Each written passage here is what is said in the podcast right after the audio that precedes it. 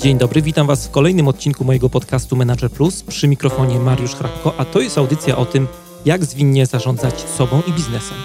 Jeżeli chcecie, żeby coś zmieniło się w Waszym życiu i czujecie potrzebę ciągłego szlifowania swoich umiejętności, zapraszam do słuchania moich audycji.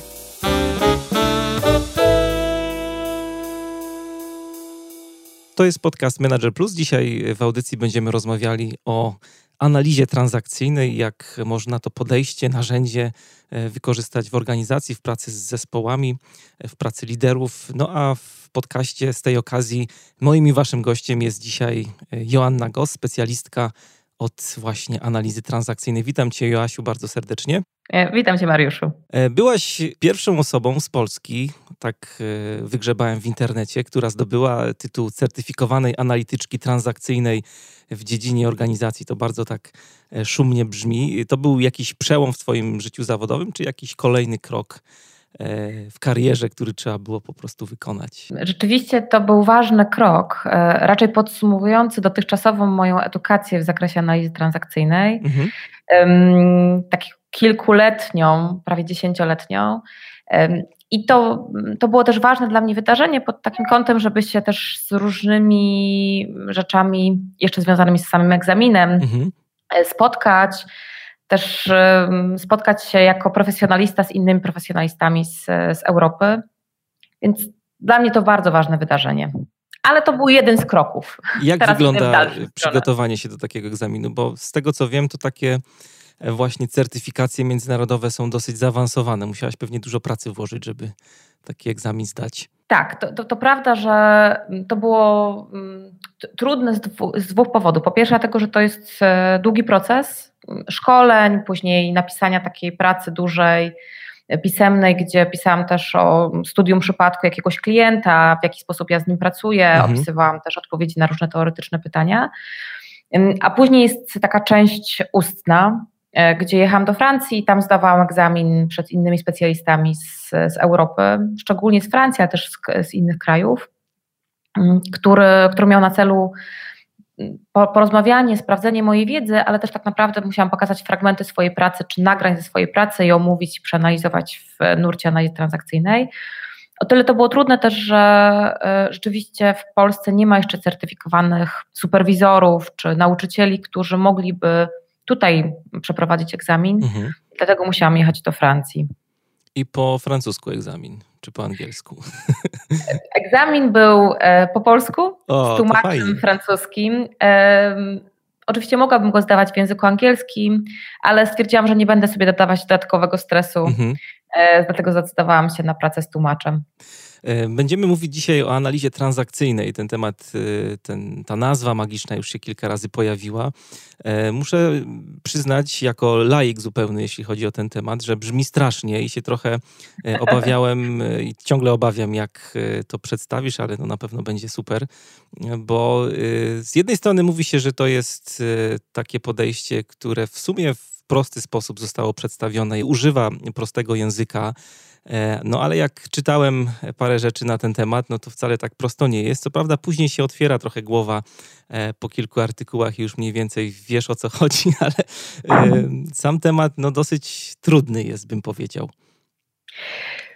To prawda, że sama nazwa analiza transakcyjna raczej kojarzy się z bankowością czy rachunkowością, tak, że coś mhm. będziemy analizować jakieś transakcje. I rzeczywiście ta nazwa wynika z tego, że autor twórca analizy transakcyjnej, Eric Bern, dużo myślał o takiej wymianie pomiędzy ludźmi, takiej wymianie społecznej, to znaczy co się dzieje, kiedy jedna osoba spotyka się z drugą, czy w zespole, czy w indywidualnym kontakcie i ten kontakt pomiędzy ludźmi, tą wymianę myśli, zdań, opinii na swój temat nazwał transakcjami, czyli po prostu wymianami. Mhm. I właściwie od tego się zaczęło i od, e, od koncepcji gier psychologicznych, którą być może część osób kojarzy, że, że gramy, że jesteśmy w rolach pomiędzy sobą. I to jest e, też ważna część analizy transakcyjnej. Natomiast sama analiza transakcyjna jest po prostu koncepcją psychologiczną, jedną z wielu, ale też taką, która została przeniesiona na, z gruntu psychoterapii czy psychologii do pracy z organizacjami w edukacji czy w doradztwie. Mhm. Bo ty jesteś z wykształcenia psychologiem, tak? Tak. To jakoś pomaga właśnie w, w pracy z analizą transakcyjną w organizacjach, bo też masz dodatkowy fokus właśnie organizacje, więc to dla mnie też było ciekawe. Mhm.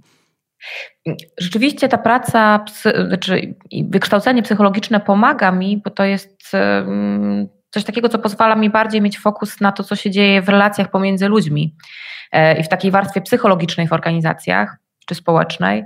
Mm, natomiast, co ciekawe, to przyjęło się, że w Polsce nie wiem, ktoś, kto zajmuje się teorią psychologiczną, czy właśnie nie wiem, analizą transakcyjną, musi być psychologiem.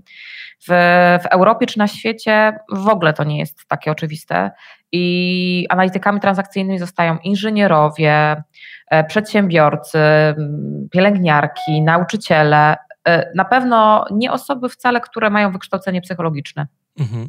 Dlatego, że sama analiza transakcyjna już jest, na, już jest właśnie narzędziem czy koncepcją psychologiczną, której poznanie bardzo dobrze łączy się z innymi dziedzinami, wiem, wykształ innymi wykształceniami, które mają osoby, które się nią zajmują.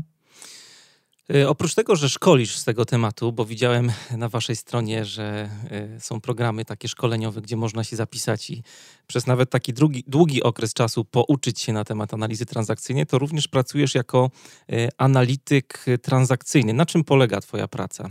Rzeczywiście jako analityk transakcyjny w tej dziedzinie organizacji pracuję w, z organizacjami w różnych sytuacjach. W takich sytuacjach, kiedy zgłaszają się do mnie z problemem efektywności, e, czy z problemem związanym z brakiem zaangażowania ze strony pracowników, czy z konfliktem, mhm. czy wprowadzają jakąś zmianę i chcą ją dobrze wprowadzić, uwzględniając też ludzi, których zatrudnia, zatrudnia dana organizacja, mm, związane z, z motywacją. I w takich sytuacjach jestem zapraszana jako analityk transakcyjny do organizacji, po pierwsze, żeby zobaczyć, co się dzieje, wspólnie zdiagnozować, ale tak naprawdę przyjrzeć się różnym procesom, które się dzieją w danym zespole czy w danej organizacji i zastanowić się, jakie działania podjąć, żeby, żeby to sprzyjało efektywności, komfortowie, komfort, temu, żeby było komfortowo w pracy z ludźmi e, w danym zespole czy w danej organizacji. Tak pracuję z zespołami, z menadżerami, z, z zarządami, czasami organizacji, czy z właścicielami. A jak to wygląda w praktyce? No, załóżmy, że zostałaś zatrudniona jako analityk transakcyjny do tego, żeby e, trochę, no nie wiem, podnieść efektywność zespołu, zwiększyć zaangażowanie ludzi w zespole. Przychodzisz, siadasz sobie gdzieś tam w kącie i obserwujesz jak ludzie się zachowują, jak, w jakie gry wchodzą? E, rzeczywiście, nawet bym powiedziała, że ja nie jestem zapraszana szczególnie jako analityk transakcyjny, bo część moich klientów e, nie wie. niewiele wie o analizie transakcyjnej. Natomiast jestem zapraszana jako konsultant, który ma zaplecze jakiejś wiedzy. Znaczy, prawda jest taka, że dla klienta to ma mniejsze znaczenie, czy ja pracuję AT, czy nie, natomiast ma znaczenie, mm, jakby, że ja wiem, co robię i wiem, że jakby z jakich nie wiem, modelów, z jakich e, koncepcji korzystam. I tak jak powiedziałeś, że może to być tak, że obserwuję. I na przykład ostatnio obserwowałam po prostu pracę na produkcji, żeby zobaczyć, w jaki sposób ludzie się ze sobą komunikują, dlatego że zauważy, mm, zauważyli, że ta komunikacja nie przebiera w taki sposób, jaki oni by sobie oczekiwali, która byłaby dobra dla dla pracy w, w, danej, na danej produkcji. Natomiast też e, czasami to jest tak, że po prostu rozmawiam z menadżerem, rozmawiam z, z właścicielem, rozmawiam z, po, z pojedynczymi członkami zespołu, albo mm, robię spotkanie, które jest spotkaniem wszystkich osób w danym zespole i rozmawiamy, co tutaj się dzieje. I um, ja ich przede wszystkim słucham, po to, żeby na tej podstawie zobaczyć, gdzie są te źródła trudności. Czasami one są bardziej w zespole, czasami są w sposobie komunikacji, w grach, o których mówiłeś. Czasami to jest kwestia tego, że są źle zawarte kontrakty, czyli tak naprawdę nie jest, nie jest precyzyjnie dookreślone, kto za co odpowiada, albo też jak wygląda proces pracy pomiędzy poszczególnymi osobami.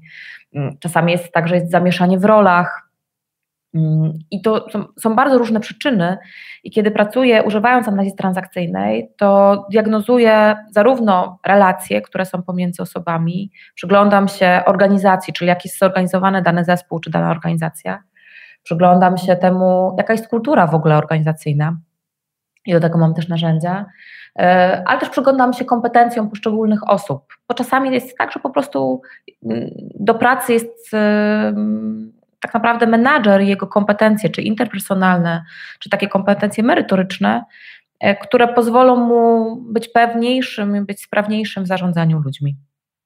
Więc pracuję na różnych obszarach. Powiedzieliśmy już kilka razy, wspomnieliśmy hasło gry w organizacji mhm. gry w zespole. Chciałbym, żebyśmy się na chwilę tutaj przy tym temacie zatrzymali. Powiedz mhm. w paru słowach, o co z tymi grami chodzi, bo rozumiem, że nie chodzi tutaj o jakieś planszówki, które nie, nie. zespoły sobie w przerwie gdzieś tam e, ciupią w firmie. Nie, nie. Jakby rzeczywiście to pojęcie gier jest w ogóle jednym z najbardziej ciekawych i takich poruszających, kiedy wprowadzam je w różnych zespołach i o nich opowiadam. Dlatego, że e, mówimy tutaj o grach psychologicznych. I gry psychologiczne są czymś um, z jednej strony bardzo naturalnym w każdej relacji. To nie tylko w, zes w takich zespołach czy w grupowości, ale też w pojedynczych relacjach pomiędzy osobami. E, I tak naprawdę polegają na tym, że w sposób e, nieświadomy chcemy zaspokoić swoje potrzeby. Nawet jest takie, mm, takie określenie, że gry to jest niezdarny sposób wchodzenia w relacje i zaspokajania własnych potrzeb czy pragnień. Kiedy jesteśmy w organizacji, bo o tym polu mówimy, to chodzi o to, że e, osoby w organizacji poza takimi celami zawodowymi albo taką mm, chęcią do tego, żeby żeby po prostu dobrze zarabiać, dobrze wykonywać swoją pracę, mają też swoje takie ukryte, nieświadome cele czy potrzeby. Czasami do tego, żeby być docenionym, czasami do tego, żeby być e, zauważonym, albo żeby mieć rację, albo żeby nie brać odpowiedzialności, albo wziąć ją większą niż pozostałe osoby, albo żeby się wykazać. E, I to powoduje, że zaczynamy wchodzić w, w kontakty i w relacje z innymi osobami w taki sposób, które, który niestety zwykle kończy się jakimś nieporozumieniem, E, jakąś nieprzyjemną wymianą zdań albo udowadnianiem sobie, kto tutaj jest, nie wiem, bardziej kompetentny, lepszy, kto sobie daje le lepiej radę. Mm, I te, te gry są generalnie dość destrukcyjne, jeśli jest ich zbyt dużo w organizacjach. Nie da się zupełnie wyeliminować gier. To jest niemożliwe, po prostu to jest natura człowieka. Mhm. Że, że będziemy grać, bo nie wszystko chcemy czasami powiedzieć wprost, a czasami nie zdajemy sobie sprawy też z różnych rzeczy, które są dla nas ważne. Czyli tak biorąc na tapet e, firmę, organizację, jest pracownik, który coś chce, ma jakąś potrzebę, ale z różnych przyczyn nie jest w stanie tej potrzeby zaadresować. Na przykład, nie wiem, taka prosta, ale ważna dla wielu osób potrzeba w firmach to jest podwyżka na przykład. Mhm. E, jakby to mogło wyglądać, gdyby pracownik e, wchodził w taką grę? Załóżmy, że no, boi się powiedzieć wprost szefowi, boi się umówić na rozmowę. No to co, był na jakimś fajnym szkoleniu, przyniósł certyfikat i mówi, a bo wiesz Tomek, ja byłem e, na szkoleniu na przykład ze Scrama certyfikowanym i mam papier na to. I zaczyna, mm. i uruchamia grę w ten sposób, dobrze to rozumiem? to może być tak, że, że stwarza jakiś rodzaj presji. Na przykład zaskakuje w zupełnie takiej nieoczekiwanej sytuacji swojego szefa, na przykład idąc przez jakby korytarzem mhm. i, i, mówi, wiesz, bo w innych firmach to jest tak, że, że doceniają dużo bardziej swoich pracowników i ja słyszałem na szkoleniu, że mhm. i w momencie, kiedy tak zaskakuje, czyli e, swojego szefa, no to wyobraźmy sobie, że no reakcja tego szefa raczej nie będzie z zadowoleniem, mówiąc chodź, chodź, to porozmawiajmy spokojnie na ten temat, tylko będzie jakaś taka reakcja obronna, bo e, szef może, może przeczytać te słowa e, jako tak naprawdę atak jakiś rodzaj krytyki na siebie. Bo dotyczący swojego sposobu zarządzania, niedoceniania, niewłaściwego, no nie wiem, doceniania kompetencji pracownika. I, i to bym powiedziała, że to jest trochę początek. To jest początek gry. To znaczy, pracownik nie, nie mógł wytrzymać, nie zrobił tego w taki mm, dobry, przemyślany, świadomy sposób, tylko po prostu bardzo emocjonalnie podszedł do, do tej sprawy. E, szef się zjeżył. Wylała e, mu się kawa pewnie już. Nie tak, wla, tak, wlała mu się kawa albo z, zaczął w tym momencie na przykład atakować pracownika i mówi tak, oczywiście, teraz to przychodzi do mnie pod podwyżka, a jak ja chciałam, żebyś się bardziej zaangażował, to. Mhm. No i na to oczywiście pracownik odpowiada, mówi tak, ale gdyby nie to, że, e, że ty mi nie pozwalasz na przykład na to, żebym samodzielnie podejmował decyzje, to ja bym był tutaj dużo bardziej sprawny. No i taka wymiana, która się staje coraz bardziej nieprzyjemna, od słowa do słowa, jakby kończy się w grach psychologicznych najczęściej wypłatą. Wypłatą to są takie nieprzyjemne emocje, jakiś rodzaj niesmaku, jakiś e, rodzaj takiego takiego wrażenia, które mamy po takiej, po takiej wymianie, o co tutaj chodzi? Ja przecież przyszedłem po podwyżkę, z jednej strony mówi mhm. pracownik, a szef mówi, o co tutaj chodzi? Przecież ja nic nie zrobiłam, a zostałam zaatakowany.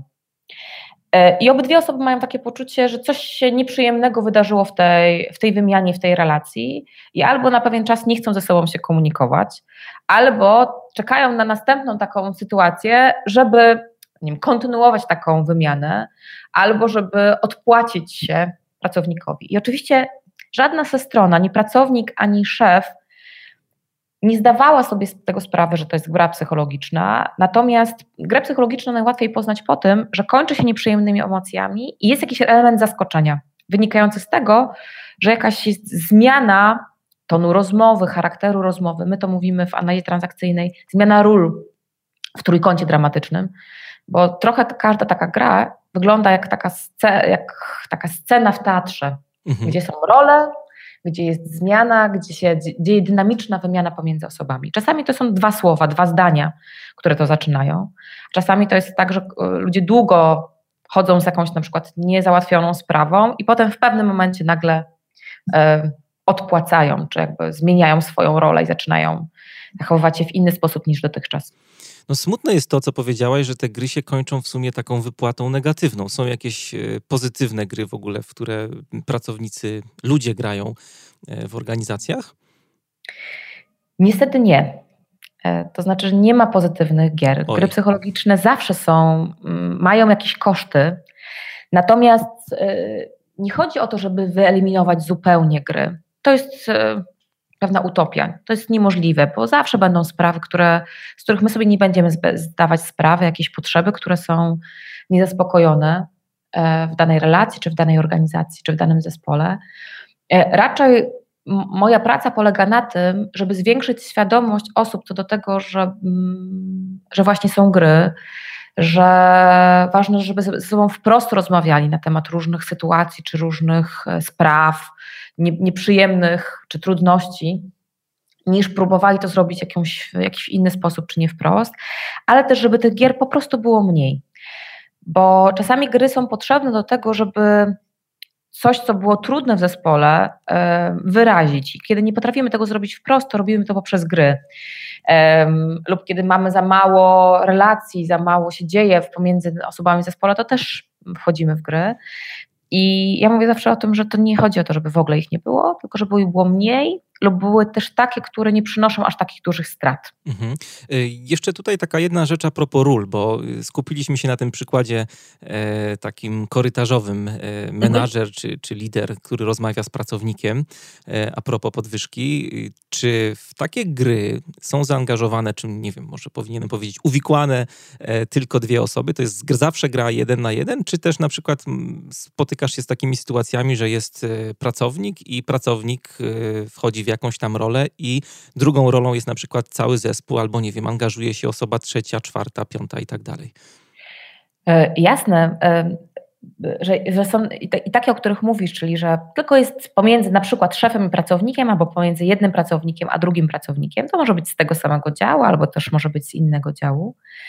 E, natomiast też oczywiście są gry nawet organizacyjne albo pomiędzy działami, czyli na przykład dział produkcji z działem sprzedaży, dział sprzedaży z działem marketingu, e, gdzie nie tylko jest zaangażowana jedna osoba po każdej ze stron, ale tak naprawdę kilka osób z jednej i z drugiej strony, które wspólnie, e, które wspólny udział biorą w, w grze. Czasami to są trzy osoby. Na przykład jest, jest jakiś konflikt czy jakaś nieporozumienie pomiędzy jednym pracownikiem, i drugim pracownikiem, no, przykładowo z działu sprzedaży, mhm. nie mogą się porozumieć w zakresie tego, kto popełnił błąd, na przykład nie wysłał na czas danej oferty, albo że jeden oczekiwał czegoś od drugiego i tego nie ma. No może być różne sytuacje. I idą w tej sprawie do szefa. I wtedy w jakimś sensie włączają swojego szefa e, jako trzecią osobę do tej gry. Na przykład do tego, żeby rozsądził, i to jest tak zwana gra, gra w sąd, kto tutaj ma rację, kto tutaj był mądrzejszy, kto tutaj był bardziej kompetentny, kto tutaj wziął większą odpowiedzialność, kto jest winny. E, I jeśli e, szef nie rozpozna w, e, na czas, że jest właśnie wciągany w grę pomiędzy pracownikami i zacznie rzeczywiście nie wiem, bardziej słuchać jedną stronę, czy bardziej stawać po jednej stronie, to w tym momencie staje się też ważną częścią tej gry I to można powiedzieć, że w takiej sytuacji wszystkie trzy strony na koniec takiej gry wychodzą z nieprzyjemnymi emocjami. Powiedziałaś tak, jakby szef, czyli strona w jakiś sposób powinna mieć większą świadomość właśnie tej gry, czyli nie wchodzić jakby w tą grę, tak? Dobrze zrozumiałem? Tak, do, dokładnie tak. dlatego też, kiedy pracuję z organizacjami, z, czy, czy, prowadząc szkolenia, czy właśnie prowadząc interwencje, czy będąc zapraszana w jakichś sytuacjach, często uczę menadżerów wiedzy o grach. Dlatego, że też takie było założenie Erika Berna, że ta wiedza nie ma być tajemną wiedzą, którą ma tylko konsultant, który jest certyfikowany najlepiej i który posiada taką wiedzę, dzięki którym wie, co się dzieje w danej firmie czy w, danej, w danym zespole. Właśnie chodzi o to, żeby jak najwięcej osób zdawało sobie z tego sprawę, właśnie jakie są gry, jakie są mechanizmy komunikacji, jakie są mechanizmy zachowań danych osób, bo wtedy dzięki temu będą mogli świadomie reagować w takiej sytuacji. I na przykład szef, który zna koncepcję gier, rozumie ją, nawet na takim podstawowym poziomie, jest w stanie zauważyć, że to jest gra i się w nią nie wciągnąć, czyli tak zareagować, żeby pozwolić osobom wyrazić swoje emocje, potrzeby, oczekiwania względem siebie, pomóc zatrzymać tą grę i ją na przykład, y, żeby ona się nie kontynuowała i samemu w nią nie wchodzić. Czy wy uczycie e, w swojej akademii Mówię o tym takim programie, który e, można, z którego można skorzystać, e, który uczysz.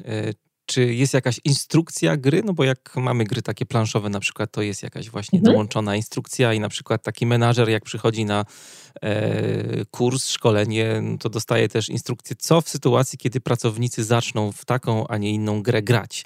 Co powinien zrobić? No bo e, tak jak powiedziałaś e, bardzo słusznie, że no sama świadomość tutaj też nie wystarczy, tylko e, pewnie trzeba jakieś podejmować środki zaradcze, jak z takiej gry wyjść albo jak się w nią nie wikłać. Mhm. E, myślę tutaj o pracownikach teraz. Rzeczywiście w ramach Akademii Analizy Transakcyjnej czy Szkoły Analizy Transakcyjnej pokazujemy mechanizm, czyli pokazujemy od czego się zaczynają gry. Mhm. I ta świadomość już jest bardzo pomagająca, bo dzięki temu często jest taki efekt po stronie osób, które uczestniczą w tych szkoleniach. Aha, to to była gra, albo to teraz rozumiem, co się zadziało pomiędzy nami. Hmm? Widzę, od czego się zaczęło. I, ta świadomość jest jakby podstaw, podstawą do tego, żeby potem wychodzić z gier. Dlatego, że yy, pierwsze to muszę zobaczyć w ogóle, że yy, właśnie, że ja gram, dlatego że to nie jest tak, że gra jedna strona i nawet jeśli menadżer e, gra ze swoim pracownikiem, to nie jest to, że pracownik robi to jemu, tylko on też się daje wciągnąć, więc można powiedzieć o tym, że odpowiedzialność za tę sytuację mają obydwie strony. Natomiast grę można przerwać w różnych momentach, to znaczy można w nią nie wejść, można E, można ją przerwać w momencie, kiedy czuję, się, kiedy czuję, że jestem zaproszony albo widzę, że mam ochotę jakoś odpowiedzieć. E, na przykład właśnie tak skrytykować, albo zacząć się bronić, albo zacząć e, ratować. To, to będą mhm. różne sytuacje i wtedy też można przerwać grę, ale można przerwać grę też wtedy, kiedy już widzę, że się wciągnę, wciągnęłam czy wciągnąłem w, w tą wymianę i widzę, że zaczyna coraz bardziej zaczynam brnąć i staje się nieprzyjemna, to też może być taki moment, kiedy ja powiem, wiesz co, widzę, że coś się dzieje pomiędzy nami. Albo na przykład, że widzę, że zaczynamy, ja zaczynam cię przekonywać i ty zaczynasz przekonywać mnie, kto ma rację. Jest taka gra, która się nazywa Moje Lepsze, która właśnie polega na tym, że jedna i druga osoba stara się przekonać drugą osobę co do tego, że jest właśnie mądrzejsza, ma rację, ma więcej kompetencji. Mhm. I przerwanie tej gry właśnie polega na tym, że nie mówię, o widzę co ty robisz, tylko przerwanie gry polega na tym, kiedy mówię, wiesz, widzę, że zaczynamy się niepotrzebnie przekonywać. Spróbujmy znaleźć, nie wiem, trzecią opcję, albo ja ci chcę powiedzieć, że ja uznaję, że ty masz inne zdanie, ja mam inne zdanie w tej sprawie i po prostu być może się nie dogadamy, albo potrzebujemy się chwilę zastanowić, jak znaleźć najlepsze rozwiązanie. I to, i to jest taka, powiedziała, sposób do tego, żeby właśnie z tej gry w moje lepsze wyjść. I to nie jest tak, że do każdej gry, bo tych, tych gier jest mnóstwo, że e, z każdej gry mamy taki, samo, taki sam sposób wyjścia, ale są pewne takie schematy wychodzenia z gier, które są mm, bardzo pomagające. Ale pierwszy krok jest świadomość. Wspomniałaś o kilku grach, już była gra w sąd, e, moje lepsze, tak? To była druga mhm. gra. Mogłabyś powiedzieć o jakichś takich najbardziej typowych grach, z którymi spotykasz się e, w organizacjach, które odwiedzasz? Mhm. W co ludzie grają najczęściej? W firmach? To jeszcze dwa zdania na temat tej, tej gry w moje lepsze. W Polsce, powiedziała, mamy odmianę tej gry, mamy w moje gorsze. Czyli kto ma gorzej. No tak, no. Tak, i to, i to obserwujemy nie tylko w organizacjach, ale na przykład tak samo w przychodniach. Tak, kiedy jedna osoba z drugą osobą zaczynają się przekonywać, kto tutaj jest bardziej chory. To jest gra na babcie, można powiedzieć. Strzyka tak, mnie tak. w krzyżu, ale jak mnie strzyka w krzyżu. Dokładnie, albo na przykład, ale panią strzyka w krzyżu, a wie pani co, ostatnio mi lekarz powiedział, że ja to już w ogóle jestem w takiej strasznej kondycji. Agonalnym prawie stanie. Tak. No i tak się można, bym powiedziała, toczyć taką, taką grę całkiem długo e, czekając właśnie na przyjęcie u lekarza. Ale w, w organizacjach jest na przykład gra w moje gorsze, kto tutaj jest bardziej zmęczony, kto to jest bardziej dociążony, kto więcej pracuje, no, i, tak. no i, i, można się tak pomiędzy sobą całkiem długo wymieniać. Mhm. To jest odmiana tej gry. E, w Stanach Zjednoczonych, gdzie, gdzie koncepcja gier e, przez Berna została stworzona, no tam zdecydowanie Bern widział bardziej moje lepsze. U nas myślę sobie, że czasem jest bardziej moje gorsze, czasami moje lepsze. Ale to też e, tak nasunęło mi się właśnie takie skojarzenie, że gry, no na pewno, na pewno jest tak, y, potwierdź, czy mam rację, bo się na tym znasz, y, że y, gry są jakoś powiązane z kulturą organizacyjną firmy, tak przypuszczam, no. że tak jest, no i też w ogóle z kulturą e, danego kraju na przykład. No tak mhm. jak powiedziałaś, moje lepsze jest w Stanach, a tutaj mamy moje gorsze, ze względu też na pewną świadomość e, naszą mhm. Polaków. Tak, tak. Rzeczywiście e, można powiedzieć, że są pewne kulturowe odmiany gier, bo to mówimy o odmianie, nie innej grze, tylko odmianie gry, e, ale też są mm, organizacyjne gry albo ulubione gry w danych zespołach. Mhm. E, czyli takie, które najczęściej grają te osoby. I w, w danym zespole, czy w danej organizacji, czy między danym szefem a jego pracownikami. I ja też temu się przyglądam, to znaczy, czemu, czemu służą te gry, jakie to one są, e, tak żeby pomóc e, osobom z nich, e, z nich wyjść albo je zatrzymywać. Pytałeś wcześniej o to, jakie są przykłady innych gier. No myślę sobie o tym, że jest gra w Tucie Mam, jest Bern dokończał Tucie Mam, ty synu, ale to dokładnie jest taka gra, kiedy mm, bawimy się, oczywiście tutaj nie mówimy dosłownie bawimy się, ale tak naprawdę chcemy kogoś przyłapać, i szukamy nieświadomie, bo chcę podkreślić jeszcze raz, że gry są nieświadome, szukamy sposobów na przyłapanie drugiej osoby, e, na przykład na jakimś niedociągnięciu, albo na niedoskonałości, albo na tym, że czegoś nie zrobiła. E, I zaczyna się od tego, że ktoś właśnie mówi, jedna osoba mówi, tak, bo ja jestem takim cennym pracownikiem, ja tutaj robię wszystko dokładnie. Im bardziej taka osoba mówi, że ja, że ja tutaj jestem, nie wiem, lepszy, bo robię dokładnie, ja tutaj nic, e, nic o niczym nigdy nie zapominam, tym bardziej inni członkowie zespołu nieświadomie będą szukali takich sytuacji, w których mogą przyłapać tę osobę na, no właśnie na tym, że czegoś nie zrobiła albo nie dała rady. Z jakiej potrzeby to wynika? O co się tutaj gra w tej grze? To jest gra pomiędzy, my to mówimy, pomiędzy prześladowcą i ofiarą. To znaczy, jedna osoba, właśnie kiedy ona próbuje pokazać, że jest lepsza od pozostałych, to w tym, w tym, momencie, w tym momencie, tak jak powiedziała, porusza taki słaby punkt, takiego powiedzenia, tak, chcesz pokazać, że jesteś taki dobry, to ja ci pokażę, że tak nie jest. Mhm. E, no bo nikt nie chce być mm, w, w zespołach, e, w których ktoś tutaj jest lepszy, ktoś jest gorszy, ktoś jest widziany jako bardziej ważny lub mniej ważny. I w ten sposób jest, to jest taka ważna, powiedziała, potrzeba psychologiczna do tego, żeby było, żeby każdy był zauważany, żeby tutaj, żebyśmy mogli ze sobą współpracować na partnerskich zasadach. I w momencie, kiedy ktoś pokazuje, że tak nie jest, no to podjudza pozostałe osoby do tego, żeby mu pokazać, że no, ja ci pokażę teraz, jak to jest, jaki ty jesteś tak naprawdę. Hmm. I to jest, e, to jest e, jedna z przyczyn, bo oczywiście tych, e, tych takich psychologicznych potrzeb, które mamy w grach są, jest mnóstwo, ale najczęściej w organizacjach widoczna jest ta. Jest też inna gra w tak ale, polegająca na tym, że hmm, przykładowo Przychodzi jeden pracownik do drugiego i mówi: Słuchaj, bo ja mam taką trudną sprawę, nie jestem w stanie przygotować na czas tej prezentacji. Zastanawiam się, co ja tutaj mogę zrobić. A na to, na to reaguje druga strona, która mówi: Poczekaj, to może zrobimy tak. Tak, to ja, to ja ci pomogę tutaj, nie wiem, w ten sposób przygotujemy tę prezentację, pójdziemy do szefa i zaczyna radzić, co ona tutaj zrobi. Na to odzywa się ta pierwsza i mówi: No tak, ale wiesz, jak pójdziemy do szefa i będziemy o tym mówić, że, to, że mam jakieś trudności, to on potem będzie niezadowolony, że ja sobie samodzielnie nie radzę. No okej, okay, mówi ta druga. No to jak nie do szefa, to słuchaj, to ja, ci, ja z tobą usiądę dłużej i tutaj przygotujemy wszystkie rzeczy, ja ci pomogę. No tak, ale ja dzisiaj nie mogę zostać dłużej po pracy. I pierwsza zaczyna znowu radzić i mówić, co tutaj można zrobić, a druga cały czas te propozycje tak naprawdę odrzuca, mówiąc tak, ale to tak nie można, to tak e, się nie da. No bo i mi się nie chce gdzieś tam w tyle głowy pewnie słyszeć.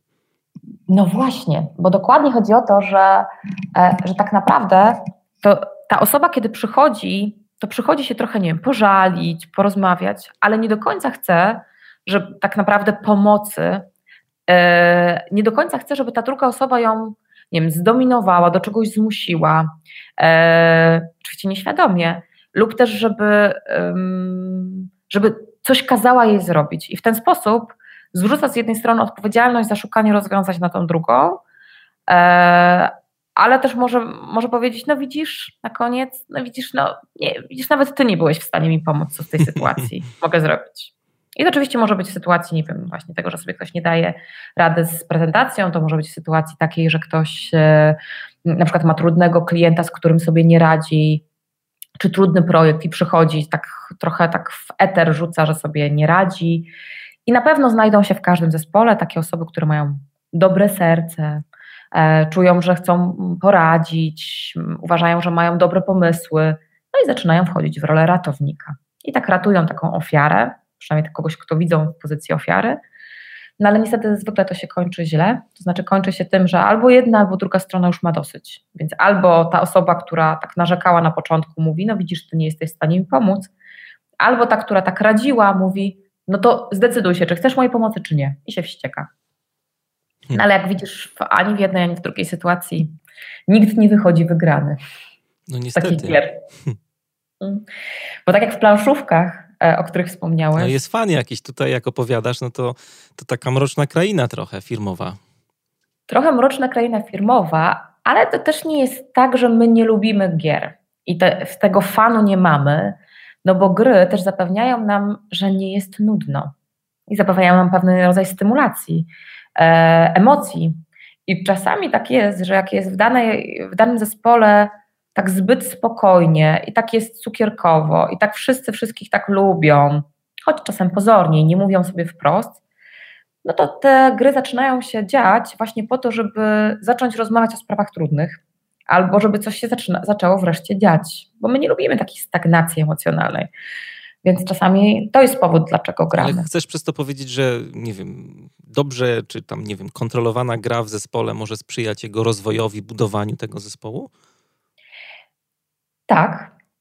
E, mhm. Nie myślę sobie o tym, że kontrolowana gra, ale myślę sobie o tym, że jeśli zespół przechodzi przez fazę gier, to, e, to można powiedzieć, że jest na wyższym etapie rozwoju. To znaczy, że e, już nie jest tylko w takiej fazie integracji, gdzie każdy boi się powiedzieć tak naprawdę swoje zdanie, czy boi, się sprzeciwić, czy mówić sobie różne rzeczy, które są czasem też nieprzyjemne tylko kiedy, wchodzi, kiedy widzę zespół, który jest w grach, to myślę sobie, ok, to oni już nie są tylko w takiej fazie pozornej współpracy, tylko że są dalej. I tutaj jest kwestia tego, żeby nie właśnie nie, powo- nie, nie prowadzić do tego, żeby nie było żadnej gry, tylko żeby, żeby po prostu wychodzić z tych gier i żeby zacząć e, w takim razie zajmować się tymi niewypowiedzianymi rzeczami, potrzebami czy relacjami pomiędzy osobami, E, i w ten sposób zmniejszyć ilość gier, ale też nie traktować, że każda gra ma, będzie prowadziła do destrukcji danego zespołu, tylko że gra jest wskaźnikiem, że są jakieś sprawy, o których trzeba po prostu porozmawiać. Można by zrobić, tak mi przyszło do głowy teraz, jak cię słucham, taki model rozwoju zespołu, tak jak nie wiem, jest ten najbardziej popularny Takmana, gdzie są fazy budowania zespołu i dopasować e, gry albo brak gier konkretnych w danej fazie, żeby pokazać tak. właśnie jak się, nie wiem, może coś takiego jest nawet do, dokładnie coś takiego jest, to znaczy, e, to znaczy do koncepcji jakby e, Takmana związanej z właśnie fazami rozwoju zespołu, czyli mamy fazę tworzenia, burzy, burzy tak, mhm. I, I, tutaj mamy cztery fazy, zostały porównane takie fazy rozwoju zespołu w analizie transakcyjnej, bo my, my w analizie transakcyjnej nie mówimy właściwie o fazach rozwoju zespołu, tylko o fazach rozwoju imago, imago danej grupy. Imago to jest wyobrażenie danej grupy. To znaczy, kiedy wchodzimy do danego zespołu, to mamy pewne wyobrażenia. Jak tutaj będzie, e, jak się będziemy ze sobą e, komunikować, jak będziemy ze sobą współpracować. Mhm. Oczywiście mhm. to imago jest związane też z wszystkimi naszymi doświadczeniami, z innymi zespołami, z innymi grupami. I to, co się pracuje w taki sposób, jaki się pracuje, to jest to, że dopasowujemy to imago, czyli to nasze wyobrażenie do rzeczywistości.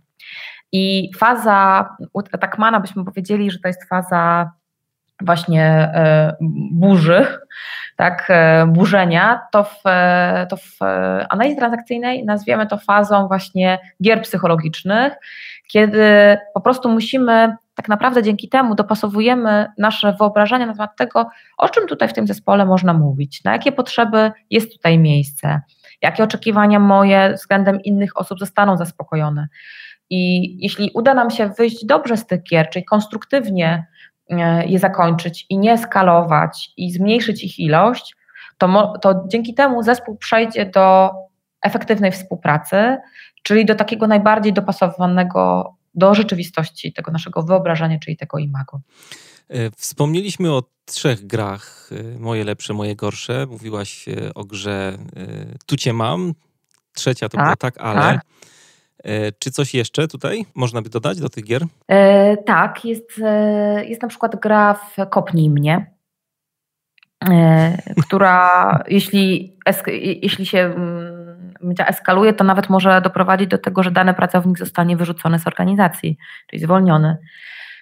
Ta gra polega na tym, że mm, z, jedna z osób w organizacji, dany pracownik, znowu w sposób nieświadomy prowokuje inne osoby. Na przykład spóźnia się z terminami, spóźnia się z dowożeniem jakichś, e, jakichś projektów, które miał albo na przykład umówił się na coś, że coś będzie robił, a tego nie robi.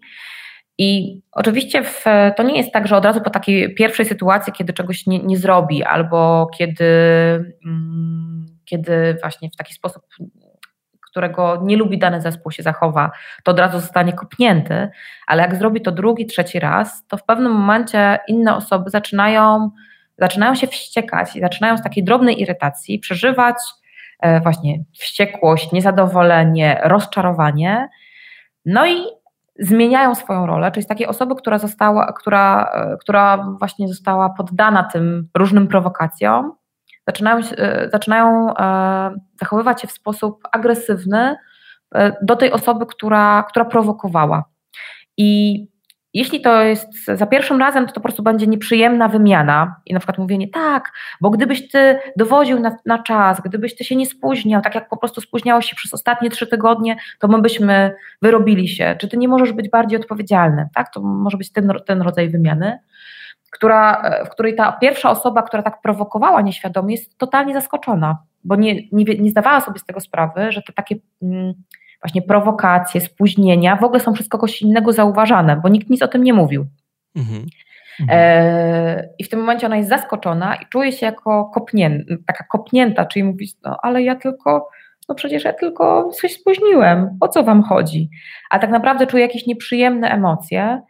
E, I to jest, bym powiedziała, taki pierwszy poziom gier. Natomiast jeśli to się dzieje wielokrotnie, i, i jakby to się dzieje za każdym razem, właśnie, że ktoś prowokuje, no to w pewnym momencie może dojść nawet do takiego eskalowania, do nagany, do, do wyrzucenia z organizacji.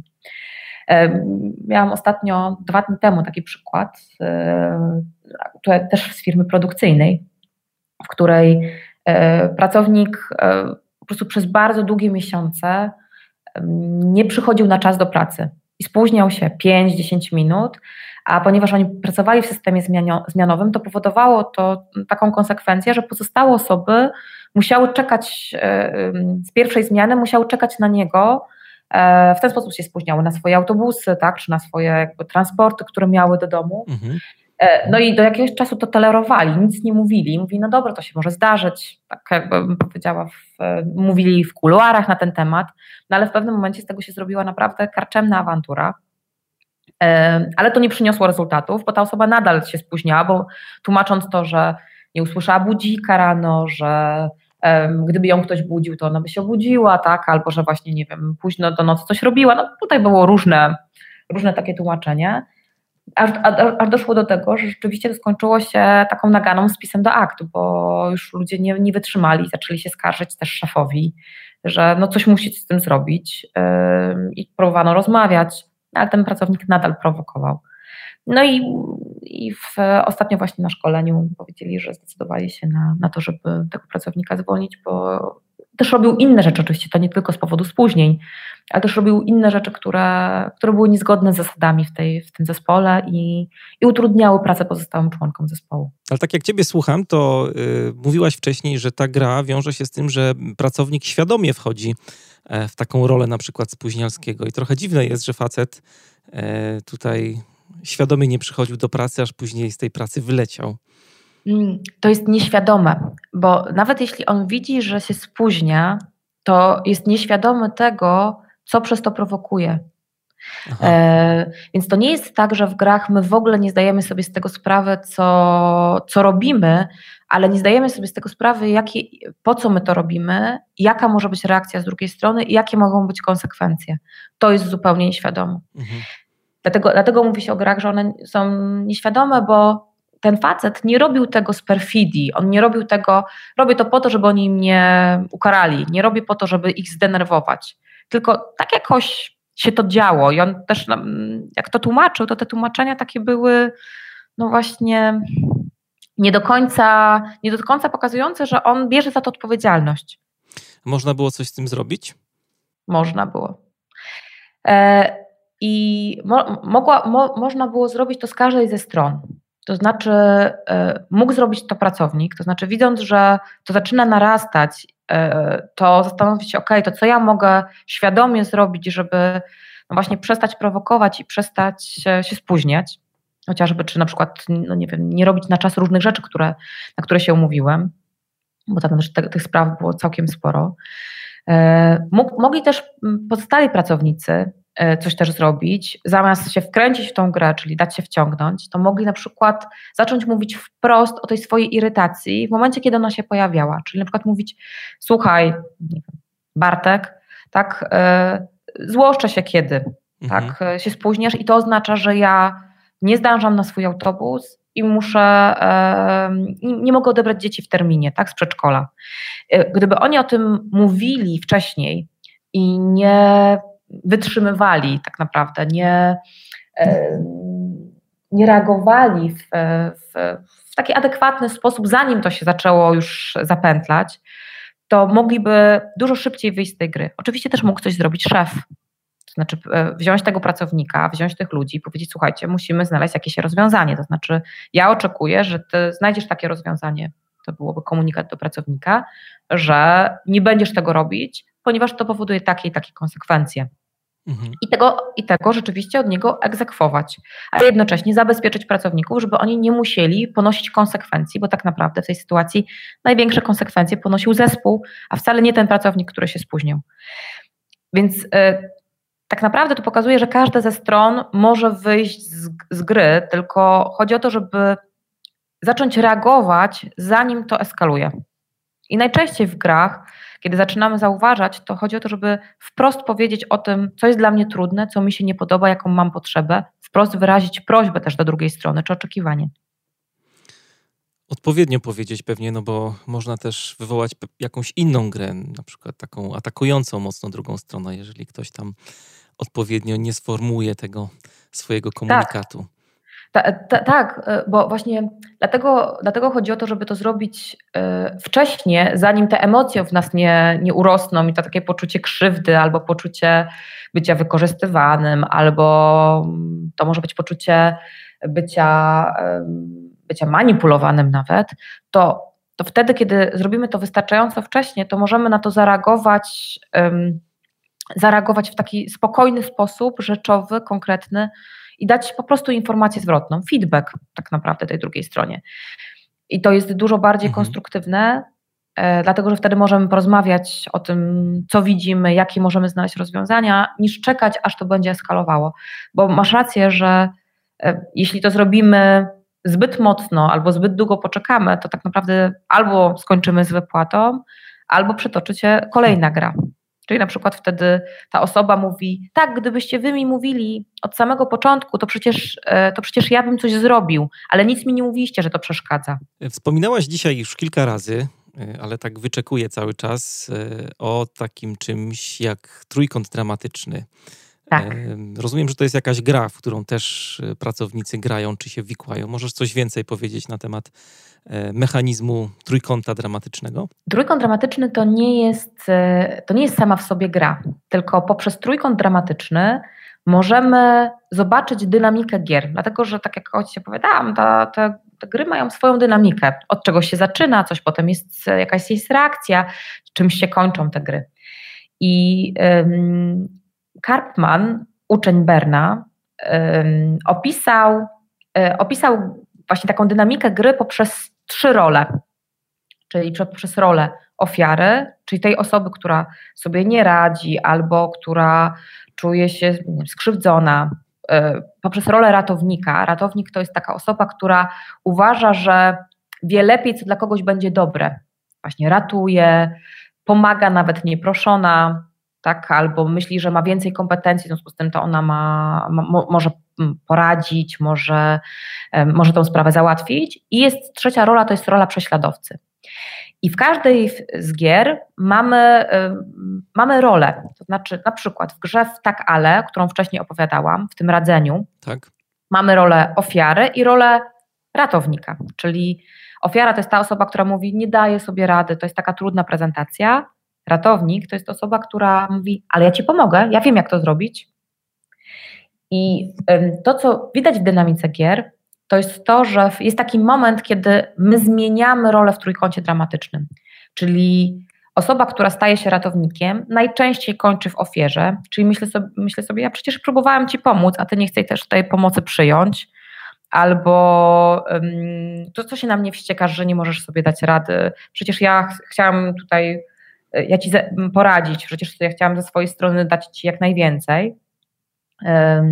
Jest osoba, ofiara kończy często na prześladowcy, czyli się wścieka i mówi: No widzisz, nawet ty nie potrafiłeś mi pomóc. Ale też e, nie, nie w każdej grze oczywiście występuje tylko, występują wszystkie trzy role, bo jest wiele gier, na przykład ta w moje lepsze lub w moje gorsze, albo w tu cię mam.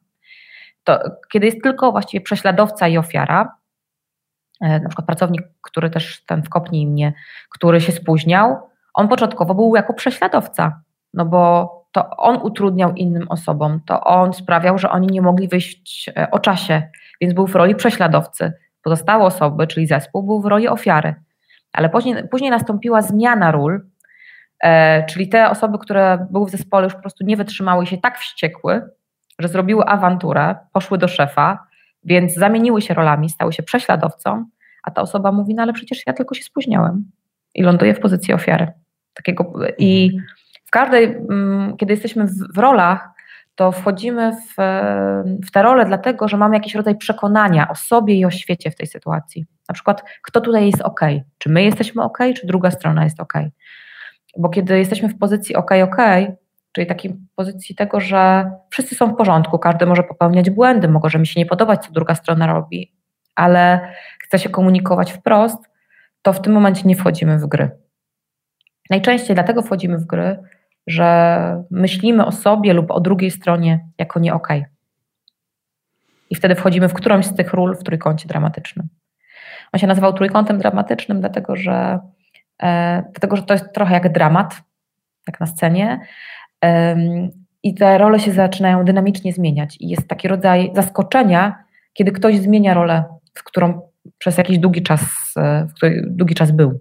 No szef na przykład, który, y, tak jak tutaj opowiadasz, który nie daje zespołowi jakiejś autonomii, bo on twierdzi, że sam wszystko zrobi lepiej, nie deleguje zadań na przykład, mhm. no to wchodzi w rolę takiego wybawcy trochę. Tak, tak. biorąc tą kalkę trójkąta dramatycznego. Ma zawał serca, ląduje w szpitalu, bo już wziął za dużo na siebie, to jest ofiarą. Mhm. Dokładnie. Tak, mhm. i mówi, e, i dokładnie sobie myśli, gdybym, gdyby ci moi ludzie e, wzięli większą odpowiedzialność, byli bardziej zaangażowani i bardziej mi pomogli, to może nie skończyłbym w takiej sytuacji. Tak, e, ale to mówisz już o takim rzeczywiście jednym z bardziej dramatycznych zakończeń gry. Takim, to jest, mówi o tym, że w momencie, kiedy kończymy już w szpitalu, w chorobie, albo już to są bardzo agresywne zachowania względem siebie, czy na przykład kończy się w sądzie, to wtedy mówimy o grach trzeciego stopnia, czyli takich najbardziej no, trudnych już do zatrzymania, bo bardzo dużo już emocji, bardzo, bardzo daleko po, zostały posunięte tej gry. A pierwszy i drugi stopień, jak już wywołałaś ten temat? Mhm. Pierwszy stopień to jest takie... Niewinna gierka gry, które są takie nieporozumieniami, które oczywiście kończą się nieprzyjemnymi emocjami, ale po nich możemy wrócić do współpracy i po jakimś czasie spokojnie ze sobą rozmawiać, nawet jak było przez chwilę nieprzyjemnie. Bo, są, bo nie ma konsekwencji, które są nieodwracalne. Kiedy mamy drugi poziom gry, to te konsekwencje już są takie nieprzyjemne, że nie mamy ochoty już o tych grach rozmawiać, robi się większy dystans, albo mamy trochę poczucia wstydu. To znaczy, mamy takie poczucie, że trochę przegięliśmy i nie chcemy o tym mm, tak chętnie rozmawiać i opowiadać innym osobom, wiesz, co ja zrobiłem albo co zrobiła druga strona. To są już jakieś konsekwencje w relacjach, które czasami są nieodwracalne. Natomiast trzeci poziom już jest taki no, dramatyczny. Mhm. Z dramatyczną wypłatą. Tak, tak, tak, z dramatyczną wypłatą. I oczywiście to jest tak, że wypłatę, wypłata się wydaje, że jest po jednej stronie, ale taki zespół, który, jak opowiadałeś o tym przykładzie tego szefa, który tak wyręczał zespół, robił za nich, a w pewnym momencie po prostu skończył z zawałem serca w szpitalu z tego powodu, to oczywiście to nie jest tak, że, to, że wina za to, czy odpowiedzialność za to jest po stronie zespołu, no bo ten szef też w to wchodził, tak, tak zarządzał tym zespołem, więc odpowiedzialność za gry zawsze jest po dwóch stronach, ale taki zespół, który jako szef właśnie skończył, powiedziała, w szpitalu, on też kończy z nieprzyjemną wypłatą, bo kończy z taką wypłatą, kurczę, co my, co, nie wiem, może myśmy, mogliśmy coś zrobić, może mogliśmy jakoś zaradzić, może nie, nie zrobiliśmy wszystkiego, co mogliśmy, też kończy z poczuciem winy. To nie jest tak, że mhm. oni kończą z tym, że no to jest jego problem, że on tak pracował. Mhm. Jakiś Nawet niesmak, jeśli pozornie tak mówią. Jakiś niesmak jest po dwóch stronach, tak. Tak. E, Dokładnie. Teraz y, jeszcze taka jedna rzecz e, a propos e, rozwijania się liderów i gdzie tego wszystkiego można się nauczyć. Wspominaliśmy kilka razy o tym, że prowadzisz y, akademię. E, jakbyś mogła parę słów powiedzieć, co tam robicie, czego liderzy, menadżerowie mogą się dowiedzieć na tej akademii, jak wygląda ten program? Jest, rzeczywiście mamy taki program Akademii Analizy Transakcyjnej w, w Warszawie, w, w Poznaniu to się nazywa Szkoła Analizy Transakcyjnej. To jest program kilkumiesięczny, takich e, weekendowych spotkań, podczas których osoby uczą się do siebie używać analizy transakcyjnej, czyli do swoich sytuacji zawodowych, prywatnych, ale też uczą się wykorzystywać tego w, w swojej praktyce zawodowej i uczą się różnych um, koncepcji AT, dlatego że tutaj mówiliśmy dzisiaj podczas tego spotkania najwięcej o grach psychologicznych, ale poza grami psychologicznymi, które są z jednej strony bardzo ciekawe, E, to mamy też koncepcję skryptu psychologicznego, czy skryptu życiowego. Mamy koncepcję e, stanów ja, mamy koncepcję transakcji, mamy koncepcję strukturalizacji czasu, czyli co robimy z czasem, mamy znaków rozpoznania, czyli w jaki sposób my możemy dawać sobie uznanie, uwagę, jak tak naprawdę dzięki temu motywować. Głaskologia jednym słowem. Tak, głaskologia, tak, jak, jak motywować siebie nawzajem. I każdy taki moduł, czyli każdy taki zjazd jest poświęcony innej tematyce, gdzie war, w sposób warsztatowy, na własnych przykładach, na, na przykładach, które my dajemy, po, poznają uczestnicy tą wiedzę w taki sposób, żeby móc ją zastosować do siebie w pierwszej kolejności, no bo tak jak mówiliśmy, ważna jest świadomość najpierw tego, co ja robię, a potem też, żeby wykorzystywać to do, zespołów, z którymi pracuję, do relacji i w tym uczestniczą zarówno menadżerowie, pracownicy, specjaliści, pracownicy działów HR, ale też osoby, które zajmują się coachingiem, zajmują się też innymi obszarami, nie nawet terapią, nauczycielami. Nauczyciele, czyli w edukacji pracują, bo ta wiedza jest możliwa do zastosowania w różnych obszarach, jakby i prywatnych, i zawodowych, ale też w różnych obszarach e, zawodowych także zastosowania. Ale to oczywiście to nie jest jedyny sposób, w jaki można uczyć się analizy transakcyjnej. W tej chwili w Polsce już jest też kilka książek, które można, e, których można w ciekawy i fajny sposób też uczyć się te dzięki temu. Mogłabyś jakąś polecić przy okazji? Tak. Polecam właściwie dwie najczęściej. Jedna to jest e, analiza transakcyjna dzisiaj wydawnictwa e, Rebis, która jest bardzo dobrym takim naprawdę zbiorczym podręcznikiem do analizy transakcyjnej, ale nie takim podręcznikiem akademickim, tylko pokazuje dużo przykładów, daje ćwiczenia, daje możliwość spojrzenia na to, co my robimy, w jaki sposób my się komunikujemy z innymi ludźmi, pokazuje mechanizmy działań własne i innych. E, I to jest świetna książka też taka dla osób, które właśnie nie mają doświadczenia psychologicznego, nikt wcześniej na ten temat nie słyszały, a mogą, mogą poczytać. I też jest analiza transakcyjna dla trenerów, która jest w takim mm, w, w możliwa do zastosowania w, w, w organizacjach. Choć tytuł jest dla trenerów, to mm, spokojnie osoby, które pracują na, niekoniecznie jako trenerzy, tylko jako osoby po prostu w organizacjach, menedżerowie, specjaliści, um, scrum masterzy, mogą tam znaleźć bardzo dużo odpowiedzi na pytanie, dlaczego tak się dzieje w naszym zespole i co ja mogę z tym zrobić, albo dlaczego tak trudno mi dogadać się z jakąś osobą. I to, jest, to są takie dwie książki, które mm, polecam, choć tych książek z AT jest jeszcze z cztery czy pięć już w tak, języku w polskim. że jest w języku polskim Berna książka, w co grają ludzie, przetłumaczona też. Tak, tak, tak. To jest, to jest książka na temat gier, no, to jest kompendium gier. Natomiast to nie jest taka łatwa książka, więc tym, którzy tak. lubią wyzwania, y, ale też nie potrzebują aż tak uporządkowanej formy, ale są ciekawi więcej na temat, poczytać na temat gier, choć w tych pozostałych książkach te, też tam jest, ale w, chcą w ogóle na temat gier poczytać szczegółowo y, i szczególnie, to bardzo po, polecam tą książkę W co grają ludzie, dlatego że to między innymi dzięki tej książce analiza transakcyjna stała się taka znana, dlatego że Bernie ją napisał co ciekawe, dla praktyków, dla psychiatrów i psychoterapeutów, a zaczęli ją czytać osoby w organizacjach, osoby w edukacji i w ogóle w innych obszarach i stała się bardzo dobrym kompendium, jak to Bern mówił, niektórzy w niej odnajdują bardziej siebie, a w niektórzy w niej odnajdują o, to inny, o innych, to jest o tobie. E, I rzeczywiście nie jest najłatwiejsza, ale jest niesamowicie ciekawa.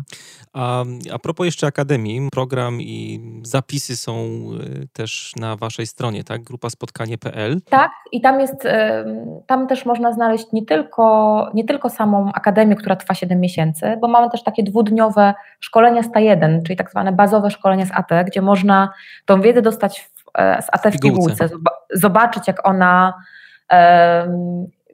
jak ona się ze, ze sobą łączy, bo to jest bardzo spójna koncepcja, znaleźć już odpowiedzi na różne pytania. I nie trzeba od razu wchodzić na siedmiomiesięczny program, żeby w ogóle z analizy transakcyjnej skorzystać, ale też mamy takie pojedyncze właśnie moduły szkoleniowe, które są poświęcone poszczególnym tematom, czyli grom, kontraktom, czyli w jaki mhm. sposób umawiać się, żeby właśnie zabezpieczyć przed grami psychologicznymi i żeby każda z osób brała odpowiedzialność i była zmotywowana do tego, żeby działać w danym projekcie. A widziałem y, na waszej stronie, że a propos Akademii, bo to jest taka już sążnista rzecz, bardzo na bogato tak. program, y, to tam przeprowadzacie jakieś wywiady, jest wstępna selekcja kandydatów, czy to jest tylko po to, żeby się tak y, rozeznać, z kim się ma do czynienia? Rzeczywiście jest tak, że zaczynamy od konsultacji, ale to służy temu, żeby poznać oczekiwania.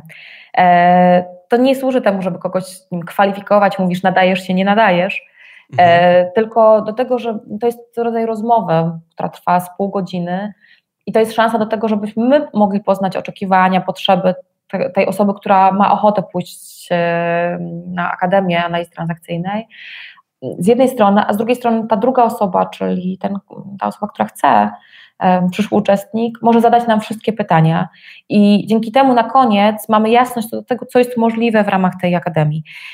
To robimy to dlatego, że w analizie transakcyjnej bardzo ważny jest taki kontrakt, czyli co do tego, żeby jasno umówić się na to, co jest możliwe, co jest nie, co będzie po naszej stronie, co jest ważne po stronie uczestnika, bo kiedy mamy dobrze zbudowany kontrakt, to ta współpraca później i ta, to uczenie się w ramach akademii jest i efektywne, ale też bardzo przyjemne i komfortowe. Z jednej strony dlatego, że pracujemy w grupie, a z drugiej strony dlatego, że pracujemy z bardzo taką delikatną materią, bo uczestnicy też e, w ramach Akademii dużo pracują na swoich przykładach, na takich właśnie case'ach ze swoich, ze mhm. swoich zespołów, mm, na różnych przykładach takich właśnie czasami trudnych relacji, bo oczywiście te chętnie oglądają. E, wtedy, kiedy mają ochotę i dzięki temu, że my na początku rozmawiamy na temat tego, jak będzie wyglądał ten program, co się będzie w środku działo, po co, dla, dlaczego ta osoba chce wziąć udział w tym programie, to wtedy mamy jasność i czasami po, um, rzadko, ale czasami po takich spotkaniach osoba stwierdza, to ja nie wiem, czy ja chcę pójść na 7-miesięczny program, ale na, na razie chcę pójść na po prostu w szkolenie 101, żeby zobaczyć, czy to jest to i później podjąć decyzję. I dla nas to jest bardzo w porządku i lepiej, że dzieje się tak na samym początku, kiedy mhm. się spotykamy, niż gdyby. Jak ktoś zacznie kurs. Tak, jak ktoś zacznie i miałby się kończyć takim rozczarowaniem, że ja sobie wyobrażałem, że to jest coś innego. No właśnie wtedy to jest świetne pole do gier, że ktoś sobie wyobrażał, my tego nie zweryfikowaliśmy i nie nazwaliśmy wprost, co tutaj będzie możliwe, co nie. No i wtedy rozczarowanie jest po jednej i po drugiej stronie. I ponieważ chcemy tego uniknąć, dlatego robimy tę rozmowę, taką konsultację tak naprawdę. To jest podcast Manager Plus. Dzisiaj moim i waszym gościem była Joanna Goss, specka od analizy transakcyjnej. Joasiu, ogromne dzięki za inspirującą rozmowę. Bardzo dziękuję też. Pozdrawiam wszystkich. Notatki do dzisiejszej audycji są do pobrania na stronie mariuszchrapko.com.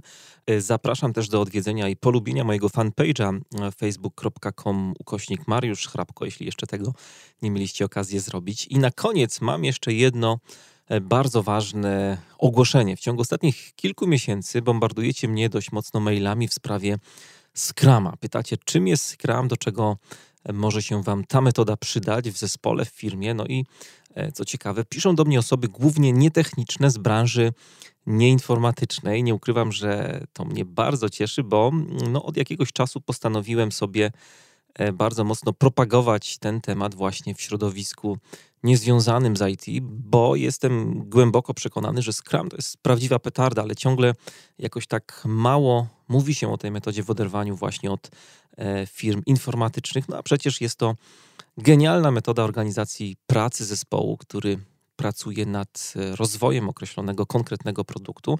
No i tym produktem wcale nie musi być software, konkretna aplikacja czy system, ale e, to może być e, cokolwiek. No, możecie na przykład wykorzystać Scrama do stworzenia kampanii marketingowej. Możecie wykorzystać Scrama do wypuszczenia jakiegoś programu radiowego, programu telewizyjnego, do zrealizowania e, projektu z branży HR, projektów e, działów sprzedaży, a także do inicjatyw, które są domeną działań organizacji pozarządowych czy e, charytatywnych. Korzyści ze stosowania Scrama są naprawdę bardzo duże. Ja pracuję z tą metodą od 2004 roku, a więc już kilkanaście, dobrych kilkanaście lat. Pomagałem ją wdrożyć w ponad 50 firmach i cały czas mam takie poczucie, że o tej metodzie za mało się mówi poza e, branżą IT. No i dlatego zdecydowałem się uruchomić mój nowy projekt e, edukacyjny Scrum dla Zielonych, tak sobie nazwałem ten pomysł. To będzie jednodniowe szkolenie, na które już teraz serdecznie wszystkich zapraszam. E, szkolenie, które przygotowałem z myślą głównie o osobach nietechnicznych, osobach, które e, chcą poznać Scrama, chcą nauczyć się pracować w tej metodzie i dzięki temu lepiej e, organizować swoją pracę w projektach, poznać innowacyjne techniki pracy zespołowej, które no super sprawdzają się w dzisiejszych turbulentnych czasach i obiecuję, że szkolenie będzie podane w bardzo przystępny sposób, tak żeby wszyscy faktycznie mogli tę metodę dobrze zrozumieć. Oczywiście na szkolenie zapraszam nie tylko osoby nietechniczne, każdy, kto e, chce poznać Scrama, e, kto chce nauczyć się tej metody, na pewno e, z tego szkolenia dużo skorzysta. Program jak na jeden dzień jest bardzo bogaty. Opowiem Wam o tym, skąd się wziął Scrum, dlaczego ta metoda jest dzisiaj taka bardzo popularna, dlaczego jest trendy. Przejdziemy sobie przez wszystkie zdarzenia Scrumowe, przez planowanie sprintu, przez codzienne Scrumy, przeglądy, retrospektywy. Opowiem Wam o tym, jaki jest pomysł na zbieranie i zarządzanie wymaganiami w Scrumie. Poznacie też nowe role, obowiązki, takie jak rola Scrum Mastera, Product Ownera, zespołu deweloperskiego. No i od razu mówię, że będziemy dużo ćwiczyć, bo przygotowałem dla Was e, grę symulacyjną, dzięki której od razu teorię, to co Wam będę opowiadał, będziecie mogli przećwiczyć na własnej skórze w praktyce. No oprócz tego wszystkiego czeka Was na pewno dużo dobrej zabawy, no i networkingu. Jest to szkolenie otwarte, więc na takich szkoleniach pojawiają się osoby z różnych firm, z różnych branż i na pewno będziecie mieli okazję się lepiej poznać, poznać inne branże, także wymienić się swoimi doświadczeniami. Sprzedaż szkolenia rusza niebawem, 12 marca i potrwa, uwaga, tylko dwa tygodnie. Wszystkie szczegóły, program znajdziecie na stronie scramdlazielonych.pl, scrum pisane przez C i przez U strumdlazielonych.pl, e, a samo szkolenie jest planowane na 16 kwietnia. Gdybyście byli zainteresowani, zachęcam do rezerwacji miejsc. Mamy tylko 20 wejściówek. E, spotkamy się w hotelu Radisson, tuż nieopodal krakowskich plant, w pięknej scenerii, zaraz obok pięknego Starego Rynku. I to już wszystko na dzisiaj. Na koniec zostawiam Was z Robinem Grejem i piękną folkową muzyką, którą dla Was przygotowałem. Ja się nazywam Mariusz Hrabko. Trzymajcie się i udanego tygodnia.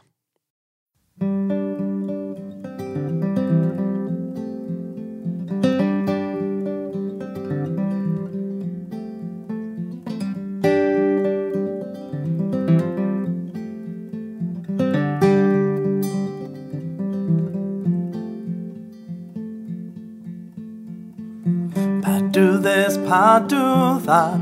Without our shoes, without our hats. Nothing in the world but an old straw hat. Walk on the railroad. Root sugaroo, shug sugaroo. Sugar in the cream jar, how do you do? Just on the railroad, far, far road. Johnny comes picking on the banjo.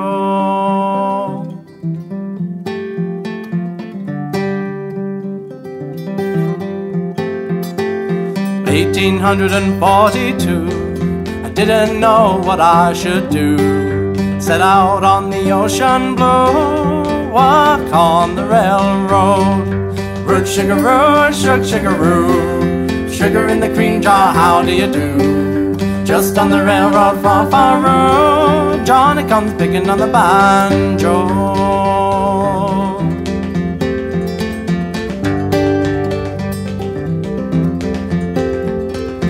1843, I set out across the sea. Didn't expect to see poor me walk on the railroad.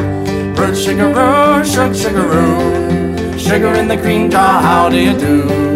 Just on the railroad, far, far road, Johnny comes picking on the banjo.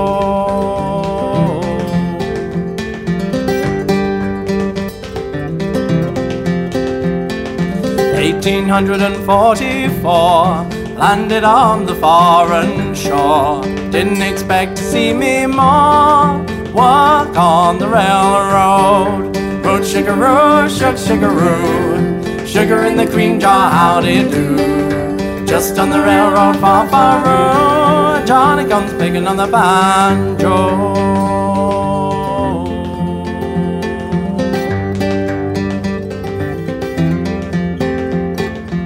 Railroad comes, we'll take a ride. Here we go, side by side. Here we go, side by side.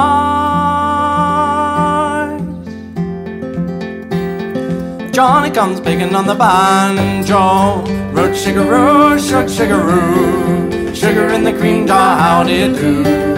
Just on the railroad, far, far road. Johnny comes picking on the banjo. Root sugaroo, shug sugaroo. Sugar in the cream jar, how do you do? Just on the railroad, far, far road. Johnny comes picking on the banjo.